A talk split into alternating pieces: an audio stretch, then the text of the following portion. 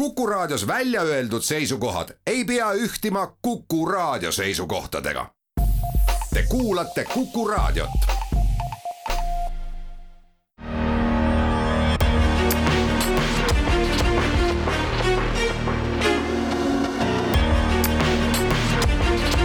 välismääraja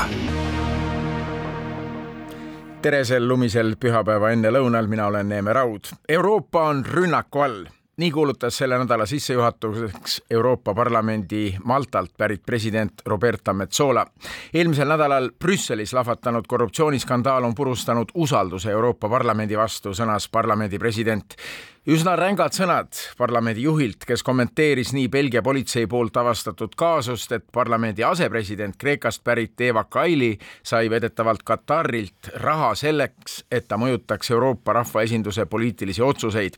Kreeka sotsiaaldemokraat vahistati koos viie teise kahtlusalusega pärast vähemalt kuueteistkümne Belgia politsei poolt korraldatud haarangut eelmisel nädalavahetusel ja läbiotsimistel konfiskeeriti kuussada tuhat eurot sularaha ja mobiiltelefone. Meedia andmetel leiti Kaili korterist äh, jah, suur hulk sularaha ja mis tekitas siis küsimuse, et kas tõepoolest altkäemaksu antaksegi nüüd otse sularahas. arreteeriti ka endine sotsiaaldemokraadist Euroopa Parlamendi liige Itaaliast ja Kaili itaallasest elukaaslane. mitmed Euroopa Parlamendi eestlastest saadikud, kellega nädala jooksul vestlesin parlamendi juhi Metsola lendava retoorikaga, et Euroopat rünnatakse, siiski kaasa ei läinud. Nende seisukohti, kui avatud on siis oma olemuselt juba väga läbipaistev ja avatud Euroopa Parlament ja kui mõjutatavad on parlamendi liikmed välisjõudude ja riikide poolt, sellest räägime saate teises pooles. ent kõigepealt, detsembri esimesel nädalal tuli uudis, et olen seda uudist tegelikult oodanud ajakirjanikuna aastakümneid ja see pani mõtlema, et üks, üks suur otsus on langetatud, nimelt Ameerika Ühendriigid saadavad Eestisse oma väed koos Himarsi mitme mitmikraketi heitjatega ning vastava juhtimisvarustuse ja süsteemid mõtlesin, et olen USA-s ja siin Eestis töötades seda küsimust küsinud ilmselt sadu ja sadu kordi nende aastate jooksul, millal saab Eesti konkreetselt avalikult tegutseva USA üksuse, millal on Eestis konkreetne Ühendriikide sõjaline kohalolu. seda, et USA eriväed on Eestis olnud juba pikalt varjatult, on räägitud, kuid nüüd siis ka esimene USA üksus ja seda oleme oodanud kaua. mil määral lisab see kõik aga Eesti relvastusse selle üksuse saabumine. riikliku Kaitseinvesteeringute Keskuse juht Magnus Valdemar Saar on stuudios. tere sel pühapäeva hommikul. tere hommikust. esimene küsimus puudutabki konkreetselt USA vägesid, mis Eestisse on ilmselt juba jõudnud või, või kohe jõudmas, kas see tehnika, mille nad kaasa toovad, on nende tehnika, nende bilansis või peab Eesti ka selle eest maksma? ei, see on ikka nende tehnika, nende bilansis äh,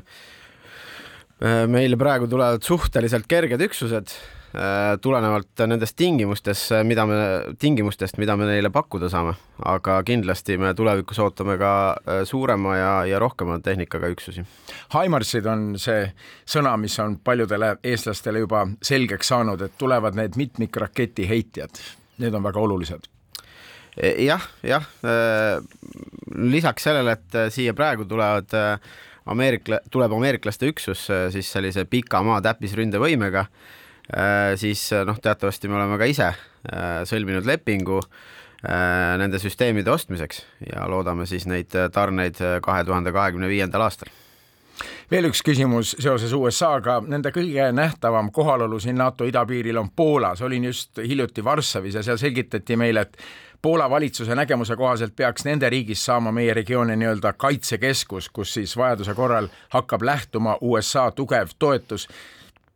tekkis küsimus, kui palju me teeme oma kaitsealaseid investeeringuid planeerides koostööd naaberriikidega, näiteks Poola, Läti ja Leeduga või kõik riigid langetavad otsused ise omavahel konsulteerimata? me teeme väga tihedat koostööd, nii äh, eriti tihe on see koostöö muidugi äh, Läti ja Leeduga, aga ka Soome, Norra äh,, Rootsiga ja, ja samamoodi Poolaga, teatavasti näiteks äh, äh, sügise alguses sõlmisime ju lepingu äh, õlalt lastava õhutõrje, lühimaa õhutõrje soetamiseks ja seda just äh, koostöös äh, Poolaga. Ja mis tegelikult päeva lõpuks oli meie jaoks äh, väga oluline, sest äh, see tõi meile nii rahalist säästu, aga võib-olla mis veel olulisem, see kokkulepe Poola riigiga võimaldab meil neid tarnida suhteliselt kiiresti, palju kiiremini, kui oleks ükskõik millist teist süsteemi võimalik turult hankides tarnida. Ja samamoodi tegelikult kokku hoida kõikvõimalikke noh, alates testimisest ja lõpetades igasuguste sertifitseerimiste ja selliste asjadega, mis, mis koostöös Poolaga on palju-palju lihtsam. Poola on oma kaitsele tegemas suuri kulutusi ja meile selgitati, et nad ostavad maailma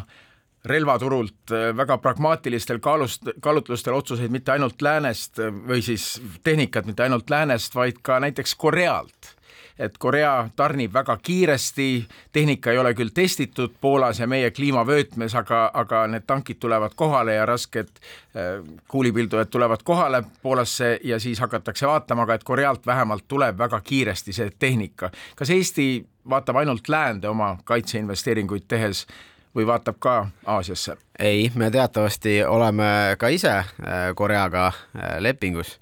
Äh, meile tarnib Korea ettevõte Hanwha siis K9 liikursuurtükke,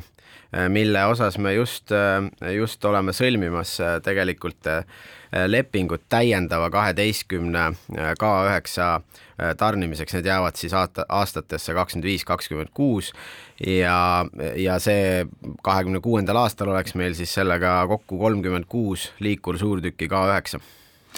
nii et Korea on muutunud selliseks äh, partneriks maailma relvaturul, aga mis situatsioon üldse relvaturul valitseb, riigid siin NATO idapiiril soovivad soetada uut varustust, samas maailma relvatööstus toodab varustust, mis läheb otse Ukrainale, käimas on ju ka sõda. kui raske on praegu üldse hankeid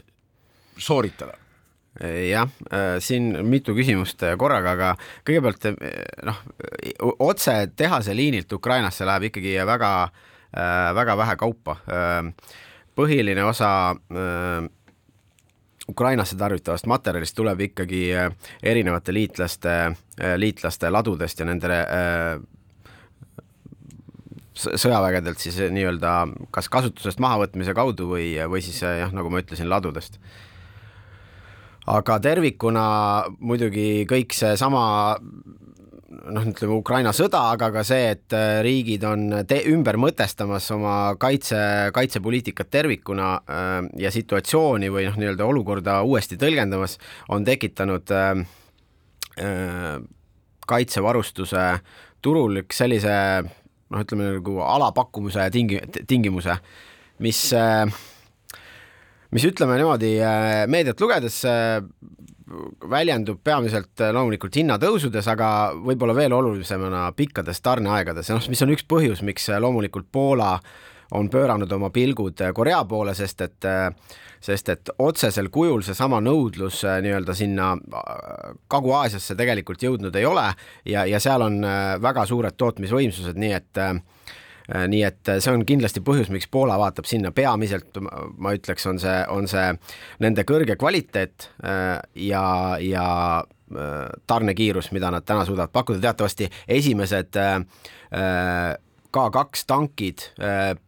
Poola markeeringuga ehk K2PL on juba tarnitud, samamoodi esimesed K9-d, mis on ikkagi, kui me mõtleme, et leping sõlmiti, kui ma ei eksi, kuskil oktoobri alguses või oktoobri keskel, see on paari kuuga, see on uskumatu, uskumatu kiirus. see tähendab seda, et liin töötas, liinil olid liinil olid mingid äh, masinad äh, kohe valmis saamas, neid lihtsalt kohendati ja pisteti põhimõtteliselt kohe laeva, sest ainuüksi transport võtab juba umbes kolm-neli nädalat. nii et selles mõttes sinna, sinna pöördumine või ütleme, Korea poole vaatamine on täiesti nagu arusaadav. nüüd üldisemalt turul jah, nagu ma ütlesin, ta peamiselt väljendub see suur nõudlus äh, läbi selle, et tarneajad on pikad, äh, aga ma pean ütlema, et, äh, et lisaks meediale ja vaadates meie konkreetseid hankeid ja pakkumusi, siis ma jätkuvalt veel, ma olen seda mitu korda siin suve jooksul ka öelnud, et ma jätkuvalt tegelikult veel ei näe et meie eriti suurte süsteemide hangetes oleks toimunud eri, oluline kallinemine, et põhiliselt ikkagi kallinevad mingid komponendid transport siia, sellega on mingid riskid, võetakse pikemad, pikemad ajad selle korraldamiseks, mingisugused, mingisuguste materjalide kättesaadavus on väiksem, ma ei tea, alumiinium nii edasi võetakse ka väiksed, väikeste reservatsioonidega seda, aga just tarneaja aspektist, aga hindades otseselt see veel väga palju peegeldanud ei ole vaadates Wall Streeti, kaitsetööstusel läheb praegu väga hästi, kaitsetööstuse aktsiad on väga kõrgel. mida siis Eesti on panustanud selle tööstuse praegusesse sellisesse viljakasse aega, mida Eesti on siis viimasel ajal ostnud, teisisõnu? Jah, no kui rääkida sellest, mis me ostnud oleme, siis, siis me räägime peamiselt sellest, kus me lepingud oleme sõlminud, kus materjal veel Eestisse kohale ei ole jõudnud, siis, siis võib-olla kõige parem, rohkem siin väärivad äramainimist äh, Haimars äh,, lepingu sõlmisime alles mõned nädalad tagasi Ameerika Ühendriikidega siis? Ameerika Ühendriikidega, see on riik-riigile tehing, tarnijaks on, Ameerika Ühendriigid omakorda on sõlminud lepingu selle meile tarnimiseks siis äh, su-, ühe maailma suurima kaitsetööstusettevõttega Lockheed Martin. kas see tähendab, et Ameerika Ühendriigid ise tegelikult maksavad oma Eestile antavast abist selle tarne eest? jah, suures, suures osas, äh, suures osas maksavad, maksab selle eest äh, Ameerika maksumaksja ja, äh, ja noh, meile jääb loomulikult kogu see elutsükli ja opereerimiskulude pool, aga muidugi ka päris märkimisväärne osa soetusmaksumusest aga kui äh, korraks äh, numbritesse panna, siis umbes sada nelikümmend miljonit äh, on see, mida Ameerika maksumaksja sellesse, sellesse süsteemi panustab Eesti jaoks. siis me oleme see aasta sõlminud laskemoona soetamiseks lepinguid ligi neljasaja miljoni euro eest. Need tarned jaotuvad, väga suur osa nendest tarnetest on kahe tuhande kahekümne kolmandal aastal, suur osa ka kahe tuhande kahekümne neljandal aastal ja mõned jupid jäävad siis sinna kaugemasse aega ka. Laskemoonast tahangi kohe jätkata juttu, me peame tegema siinkohal väikese pausi meie jutus, aga kohe jätkame Eesti kaitseinvesteeringute teemal.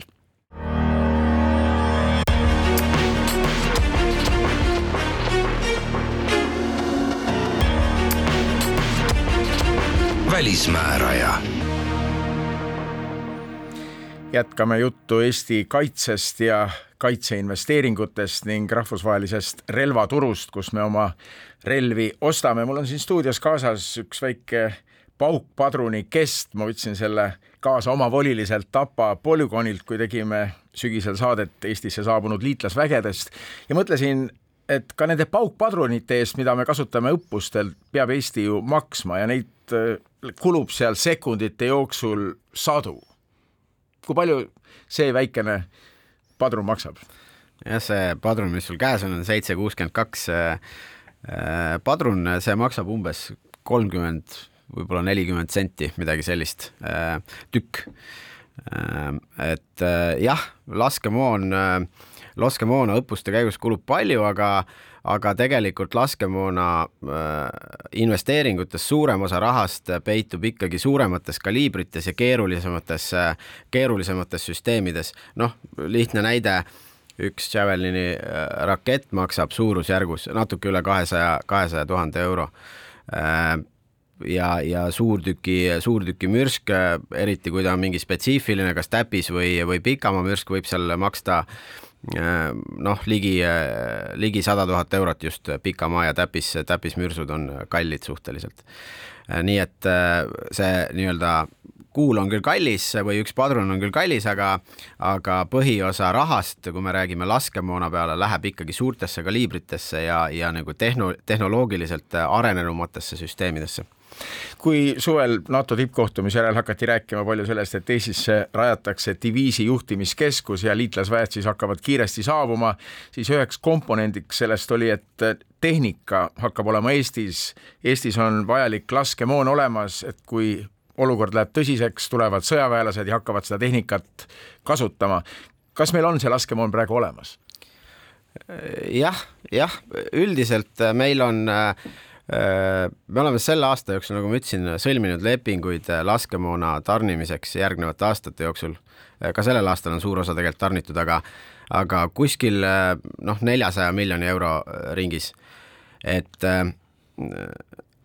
see tuleb peamiselt, et noh, kui meil on kõik olemas, miks me siis nii palju raha lisaks paneme, võib, võiks ju niimoodi küsida. aga see tuleb sellest, et äh, Ukraina sõja algusega tegelikult me hindasime oma varude äh, suurused ümber ja, ja tegelikult sellepärast investeerime täiendavalt. ja ma olen üsna kindel, et lähiajal me investeerime veel täiendavalt laskemoona, et veelgi äh, teha pikemaks seda aega, mille jooksul me nii-öelda ei sõltu välistest tarnijatest laskemoona osas vähemalt üks kiire küsimus veel õppuste kohta. õppuste käigus tõepoolest kulub neid paukpadruneid palju ja selle eest tuleb ka maksta. ja nüüd praegu on Eestis ju teema uue polügooni rajamisest Nursipalule. kui palju teie Kaitseinvesteeringute Keskus selle teemaga tegeleb? no meie rajamegi seda polügooni, eks ole no,. teema on väga-väga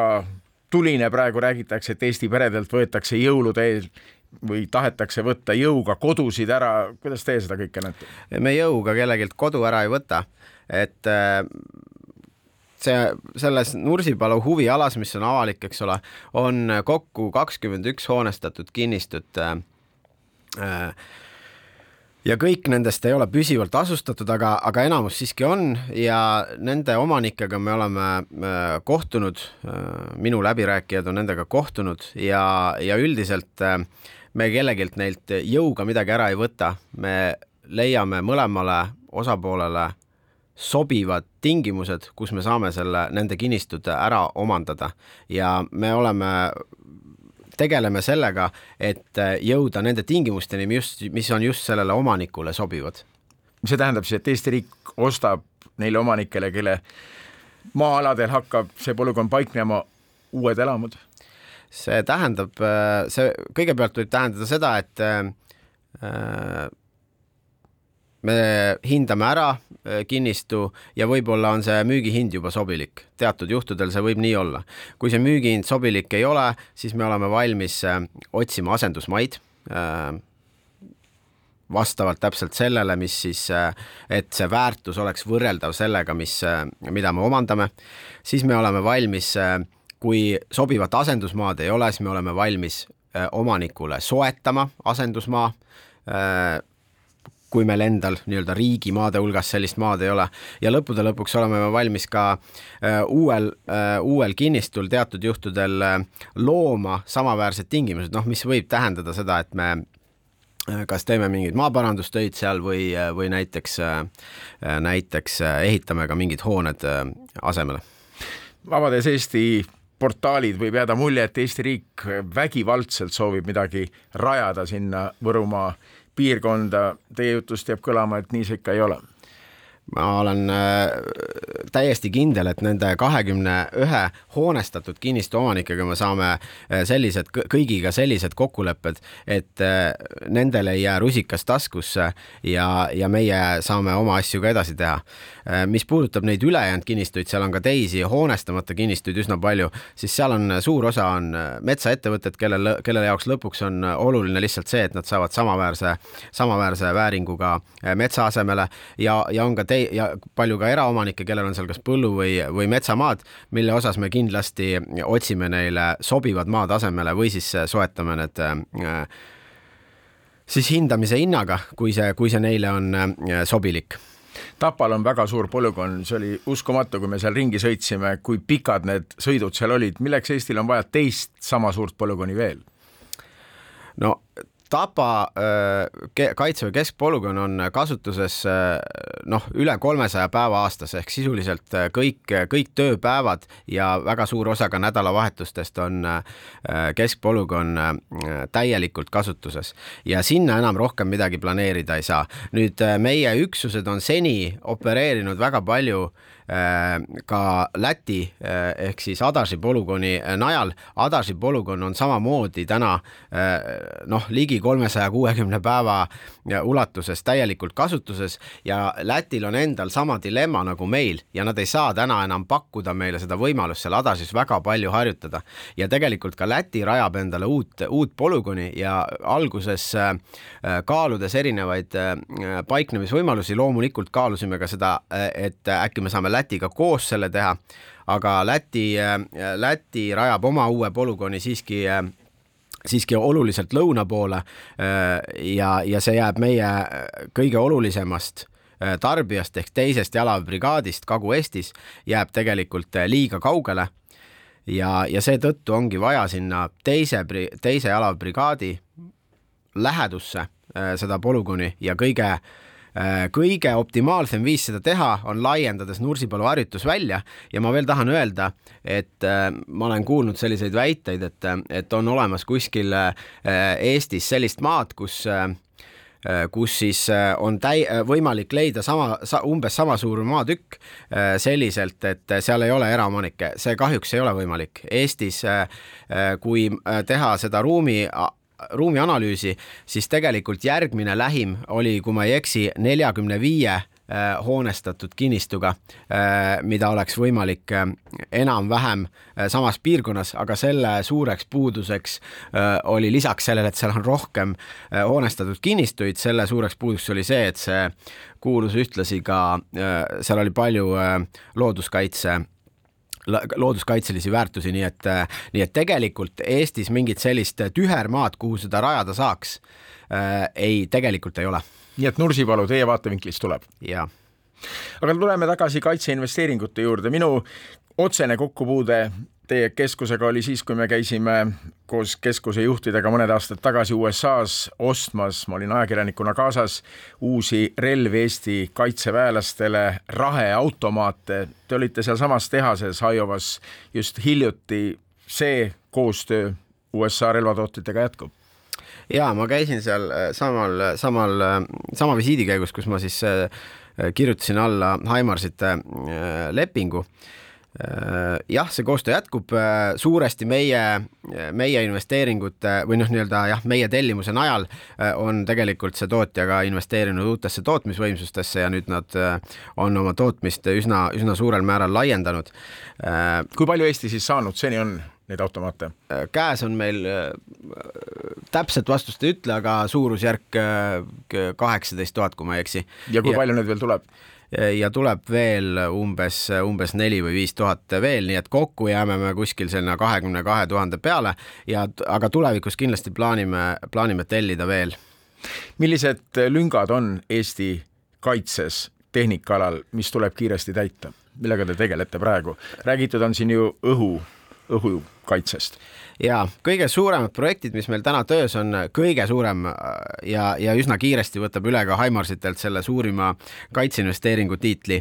äh, on kindlasti äh, keskmaa õhutõrje. selleks on protsessid täna töös. koos Lätiga?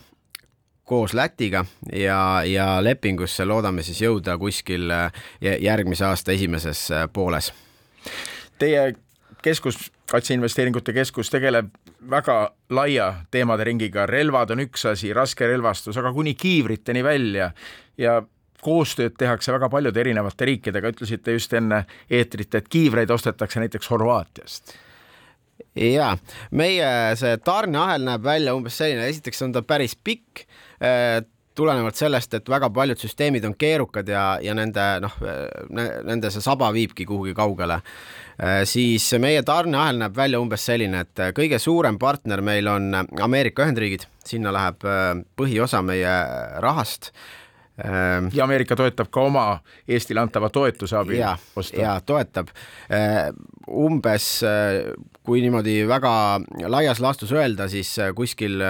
järgmise, järgmise nelja-viie aasta jooksul umbes kakssada, kakssada viiskümmend miljonit, äh, võib-olla isegi natuke peale, äh, läheb meie, meie kaitseinvesteeringutest siis Ameerika Ühendriikide äh, toodangu peale. seal on nii Javeline, seal on Haimarsid loomulikult, väga palju sidesüsteeme, ka sõdurivarustust, ballistika näiteks ja nii edasi. Äh, siis äh, teised suured partnerid on meil, äh, kaugemalt on veel meil partnerid loomulikult Korea, millest me enne rääkisime, ja, ja tegelikult on meil tarneahelas ka Brasiilia näiteks, kes sellesama padruni, mida sa näitasid, on tegelikult, see on toodetud Brasiilias. siis lähemalt on meie suuremad partnerid, ütleme Prantsusmaa, Saksamaa, Prantsusmaa tarnib meile teatavasti äh, väga palju meie õhukaitse äh, laskemoona ja relvastust, noh, peamiselt Mistralid. samamoodi Saksamaa tehnika, eriti kasutatud tehnika tuleb meil suuresti Saksamaalt, aga ka, aga ka uued sõidukid tihtipeale tulevad Saksamaalt. kasutatud tehnika kohe riivab kõrva, kas me kasutame siis Saksa armee vana tehnikat, räägitud on ju sellest, et Saksa sõjajõudude tehnika ongi juba nii aegunud, et nad ise ei saa seda enam kasutada. ei, Saksa sõjajõudude tehnika ei ole kõik väga aegunud midagi, et meie kasutame ratassõidukite puhul kasutame põhiliselt seal, kus võimalik, kasutame siis eh, jah, teiste riikide vana tehnikat, sest et lihtsalt majanduslikult on mõistlikum osta eh, vähe kasutatud tehnikat eh, selle asemel, et, et osta tuttu uuna, uuena see nii-öelda voog hakkab vaikselt ära kuivama, loomulikult. Kõik suurendavad oma vägesid, kõigil läheb endal tehnikat vaja, nii et tegelikult lähiajal me oleme sõlmimas ka, mis saab olema üks Baltikumi suuremaid noh, nii-öelda mahu mõttes üks suuremaid hankeid siis rivisõidukite rivisõidukite hange, mida me teeme ka koos Lätiga, eh, kus me loodame jõuda siis sellise tulemuseni, et meil järgmiseks kümneks, viieteistkümneks aastaks on olemas eh, partner, kes tarnib meile kõik militaarstandarditele vastava ratastehnika. Ja selle väärtus kokku koos Lätiga on siis ligi seitsesada miljonit eurot. Nii et tarnijaid on meil palju, aga Magnus Valdemar Saar, Kaitseinvesteeringute Keskuse juht, lühidalt, kui hästi on Eesti kaitse praegu relvastatud ja kui palju meil seda kõike veel juurde vaja on? no kõige lihtsam on öelda niimoodi, et äh, kaitseseis ei ole kunagi olnud nii hea, kui ta praegu on ja see, et me saadame abi Ukrainale, ei tähenda, et Eesti oma relvastus on nõrgenenud? ei, kindlasti, ma arvan, me oleme teinud väga õigeid otsuseid äh, uute võimete loomiseks ja ka äh, varude suurendamiseks ja noh, see kõik võtab mõned aastad aega, aga põhimõtteliselt lähiajal meie kaitsevõime noh, mitmekordistub õnnestub, ma ütleks. ja need summad, mis käivad läbi teie laualt, kuhu tuleb alla kirjutada, on suured, aga tundub, et avalik arvamus on praegu selle taga väga tugevalt, et neid summasid tuleb kulutada ja ma olen ise kindlalt seda meelt, et äh, meiesuguse noh, nii-öelda geograafilise asukoha ja geopoliitilise olukorraga noh, kindlalt tuleb äh, kaitsesse investeerida märkimisväärselt Magnus Valdemar Saar, aitäh, et tulite stuudiosse sel pühapäeval ja lõite pildi sellest, kui hästi on siis Eesti kaitse tagatud praegusel ajahetkel. ilusat pühade ootust ja head päeva teile! aitäh, et kutsusite!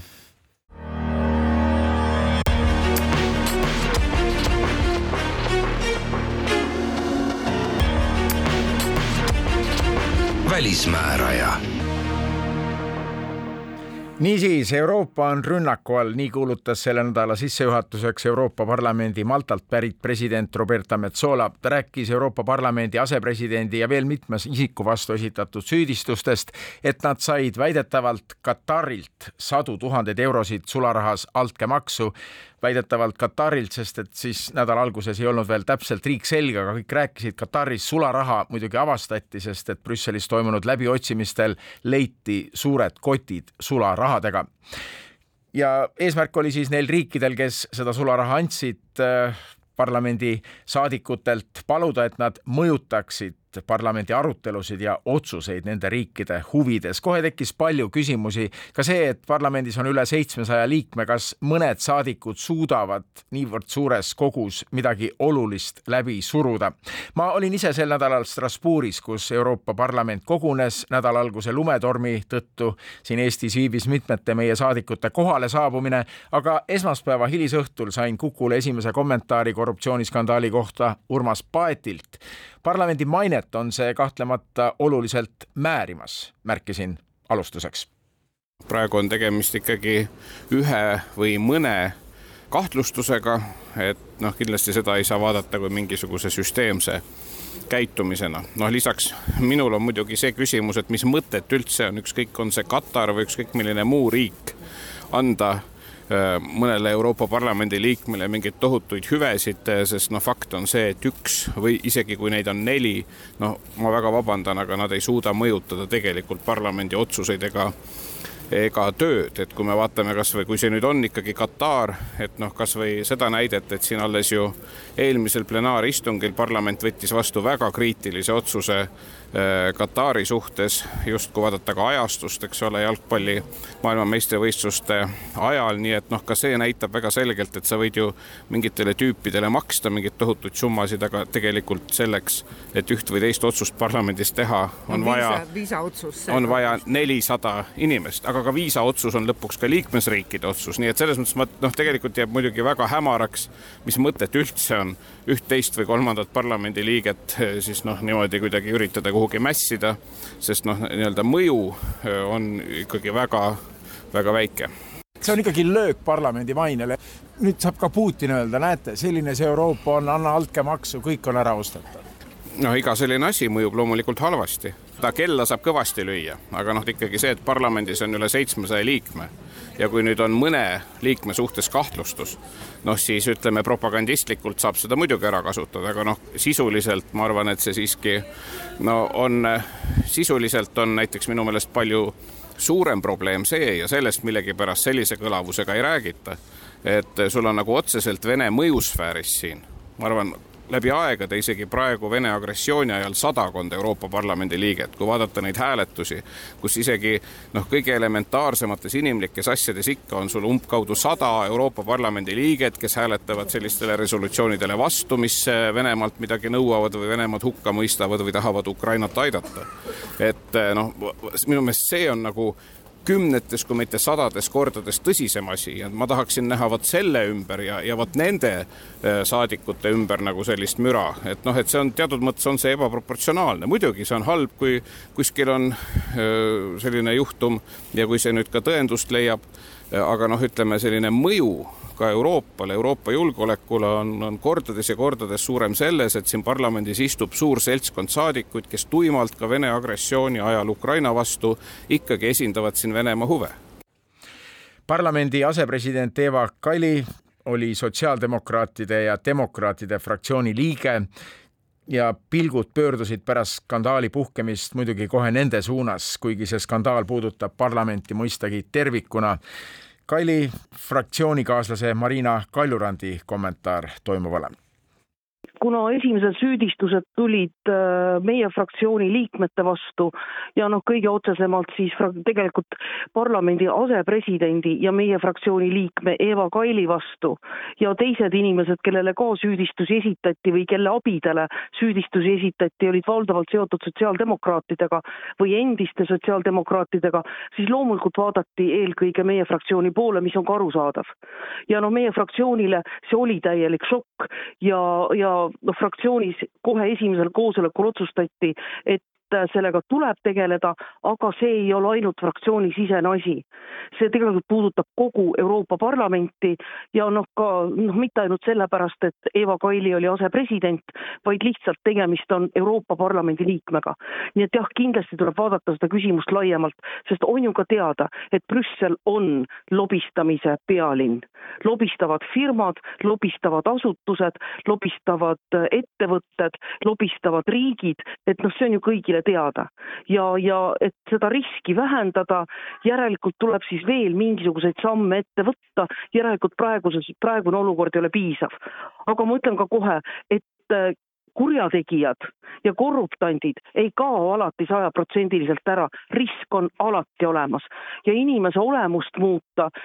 on väga raske, aga tuleb teha lihtsalt maksimaalselt kõik, et protsessid oleksid läbipaistvad, et võimalikult varakult sellisele võimalikule seaduse rikkumisele, võimalikule korruptsioonile jälile saada. Euroopa Parlament on väga suur, üle seitsmesaja saadiku. Ma küsin otse, kui äraostetavad osad saadikud on, ega need kontrollmehhanismid on seni olnud suhteliselt ikkagi piiratud, saadikud on saanud kuuluda ettevõtete nõukogudesse ja teistelegi makstud ametikohtadele see hall raha, see must raha ikkagi ümbritseb parlamenti ja, ja need ligipääsuteed on olnud olemas?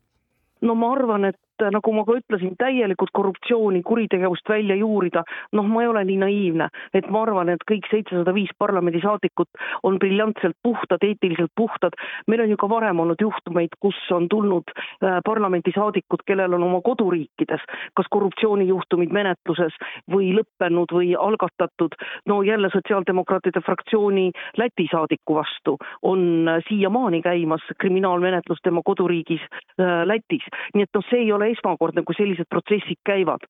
oluline on, kuidas reageeritakse. esiteks peab järgnema tõesti täielik hukkamõist ja teiseks tuleb need oles, olemasolevad süsteemid üle vaadata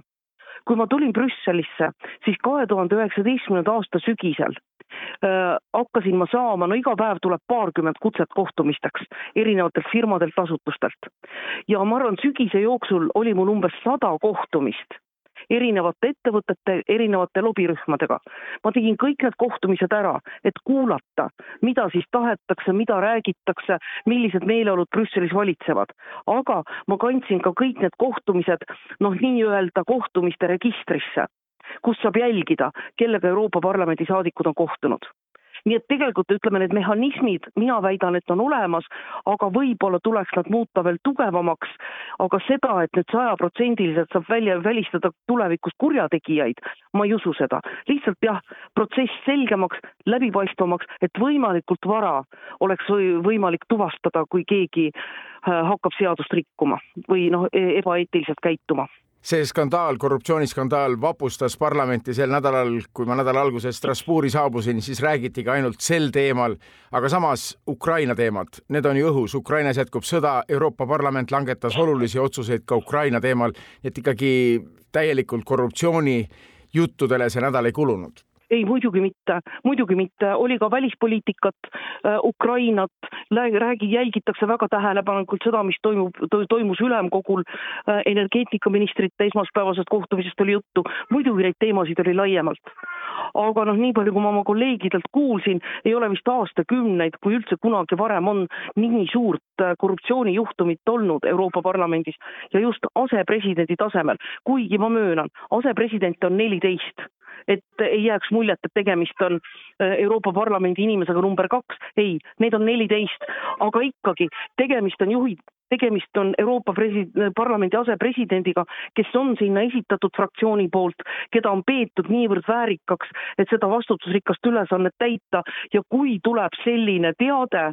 muidugi see oli šokk, olen ka ise Eva Kailiga korduvalt kokku puutunud, sest äh, oleme teinud koos erinevaid äh, digifaile. ta äh, sotsiaaldemokraatide fraktsioonis tegeles väga palju küberjulgeolekuga. nii et noh, muidugi, kui sa oled inimesega koos töötanud ja kui sa tead teda paremini kui ainult kuskilt foto pealt või, või nimesildi pealt ja siis sa hakkad tagasi mõtlema, et kas tõesti neid märke ei olnud, kas tõesti me midagi varem ei märganud, muidugi see oli šokk. Nii et selge see, et seda räägitakse, aga ta ei halva parlamendi tööd, et ta ei ole võrreldav noh, ma ei tea, Covidiga, mis halvas parlamendi töö. parlament töötab edasi, päevakord on edasi, need on lihtsalt lisapunktid, mis on päevakorda lisandunud. ja loomulikult järgmiseks punktiks on kohe jaanuarikuus, kus me Strasbourgis esimesel plenaaristungil peame valima uue äh, asepresidendi Marina Kaljurand ning ka meie endise peaministri, Euroopa Komisjoni endise voliniku, nüüd Euroopa Parlamendi saadiku Andrus Ansipi nägemus toimuvast Äh, see on tõepoolest äh, läbi kümnendite või, või kogu läbi Euroopa Parlamendi ajaloo äh, kõige suurem korruptsiooniskandaal, aga tõtt-öelda ega me sellest skandaalist ülearu palju praeguseks ei tea. Et mitte kunagi varem pole Euroopa Parlamendi asepresident olnud arreteeritud, korruptsioonisüüdistuse alusel vahistatud, et see kõik on juhtunud nüüd esimest korda selle parlamendi ajaloo jooksul, nii palju kui mina seda ajalugu tean. Aga me oleme tegelikult siin parlamendis noh, samasuguses infosulus nagu, nagu ka ajakirjandus on, et kõik oletavad ainult, et me ei tea seda, milles seisnes rahapesu me teame, et on kuussada tuhat leitud kusagilt, et on kõigepealt kuusteist asukohta läbi otsitud, praeguseks juba kakskümmend asukohta läbi otsitud ja me teame seda, et süüdistus on nii rahapesus kui ka, kui ka korruptsioonis, aga me ei tea seda, milles seisnes rahapesu. ka korruptsiooni puhul me vaid oletame, et, et on tahetud siis mõjutada Katari ja, ja Kuveidi viisa lihtsustuse otsust, ehk siis võimaldada nendele inimestele seal Euroopa Liidusse reisimist viisavabalt äh, ja, ja et selline hääletus on äh, parlamendis libekomitees toimunud, mis äh, mõnele seal viibinule on tundunud takkajärgi nüüd imelikuna, kus on osalenud ka Eva Kaili, ilma et, et ta sinna komiteesse kuuluks üldse aga neid oletusi on hästi palju ja tegelikult no ega seda informatsiooni ei ole. iseenesest no see tundub absurdsena, kui, kui keegi sellepärast, et, et ta on, ta on öelnud midagi siis Katari kaitseks Eh, et noh, et, et see kohe siis sildistatakse eh, korruptandiks ja no andke andeks, aga, aga kuussada tuhat eurot eh, selle eest, et keegi kusagil mingis komitees kõne peab, et, et noh, nagu see tundub ikkagi täiesti ebareaalsena ja, ja mitteusutavana. ehk siis tegelikult me vajame kõik informatsiooni küsisin Andrus Ansipilt, kas see Katariga seostatav altkäemaksu kaasus toob parlamendis kõneks ka Venemaa väidetava mõjutustegevuse no Vene mõjust on ju palju räägitud ja, ja ma olen päris kindel, et, et, et see võim, Vene mõju on märksa ulatuslikum, et, et on ju siinsed inimesed, äh, parlamendiliikmed käinud ka okupeeritud aladel, Krimmis näiteks ja, ja kuidas see kõik on sündinud, et noh, äh, seda Vene rahalist mõju äh, me teame Prantsusmaa ja Le Peni kaudu, et, et seal on mingid laenusuhted olnud, aga, aga ega me ikkagi väga palju rohkemat ei tea, et kui nüüd vaadatagi nüüd kogu seda skandaali Katari kesksena. Katari valitsus muide on täiesti kindlasõnaliselt eitanud oma osalust äh, nendes altkäemaksudes äh, ja, või, või, või ka rahapesus, et, äh, et siis no põhimõtteliselt ega mingi õiglustunne peaks inimestel olema, et, et kui aktsepteeriti olümpiamängude korraldamist Pekingis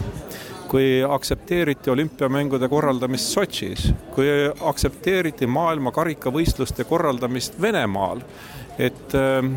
siis tundub see kuidagi variserlikuna, silmakirjalikuna, kui noh, nende suurte riikide kallale ei juletud minna ja ka äh, väikse Katari peale hakkab hammas küll, et, et, et noh mm, öelda, et, et Kataris äh, on, on kõik üdini halvasti, äh, noh, sellesama korruptsiooniskandaali tõttu, et noh, seda me ju tegelikult objektiivselt võttes noh, ei tohiks. sest et äh, Katar ka Venemaa-Ukraina konflikti küsimuses on selle sellest regioonist, regioonist ainsa riigina hääletanud nii nagu Euroopa Liit, ehk siis mõistnud ühemõtteliselt Vene agressiooni Äh, Ukrainas hukka ja mm, ma arvan, et, äh, et noh, see on objektiivne fakt. Äh, samas ka see võõrtööjõu reeglite kehtestamine Kataris, need ei ole kindlasti piisavad, need reeglid, aga, aga ka siiski ma olen käinud äh, Araabia Ühendemiraatides, näinud, kuidas äh, keskpäeval, kus ühtegi inimest enam äh, kusagil rannas päikesevarjude all basseini ääres või, või, või, või mererannas ei ole, sest on liiga palav, on nelikümmend viis kraadi, keegi ei taha seal väljas olla. no töötajad töötavad kõrghoone katusel muudkui edasi ja mitte mingit probleemi ei ole. ma olen kuulnud, et, et Kataris on,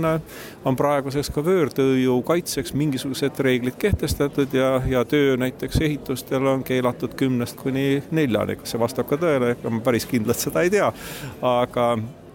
aga seda on kindlasti äh, väidetud ja see selles regioonis ainus riik, kes on mingisuguseid meetmeid tarvitusele võtnud. no Katar on hakanud ka valimisi korraldama, selge see, Katar ei ole demokraatlik riik, aga äh, tsiteerides nüüd äh, The Economisti, siis kui me tahame, et äh, kõik riigid vastaksid samale tingimust, samadele tingimustele,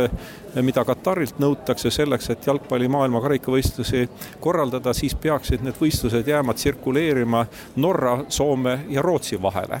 et see, see ei ole nüüd noh, minu tsitaat või välja mõeldes, vaid, vaid ma, ma viitan The Economistile. ehk siis ähm, jah, iseenesest korruptsioon ühemõtteliselt hukkamõistetav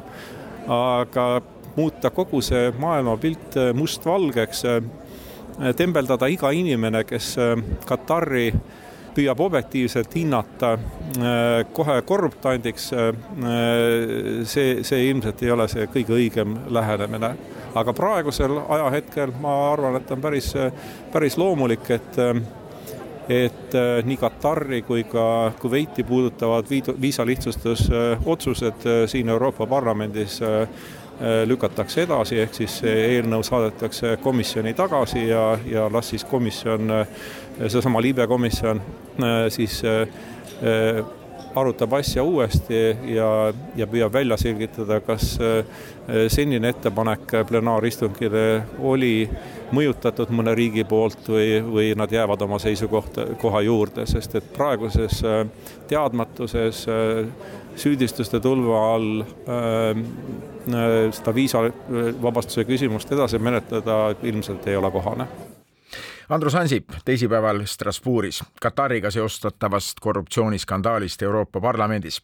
täna õhtul on maailmapilgud taas Kataril jalgpalli MM-i finaalmatš Prantsusmaa-Argentiina. olin kolmapäeval, kui Prantsusmaa mängis Marokoga Mar Pariisis, seal kesklinnas, oli pärast Prantsusmaa võitu rahulik, rahutusi siin-seal riigis küll toimus, nagu uudised teatasid. Montpellier's hukkus neljateistkümneaastane poiss. täna õhtul võivad hakata Prantsusmaal emotsioonid aga keema, Prantsuse politsei saadab üle riigi välja neljateist tuhandelise lisajõu.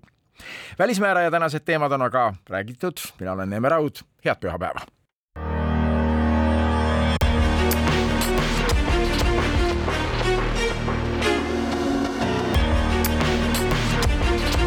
välismääraja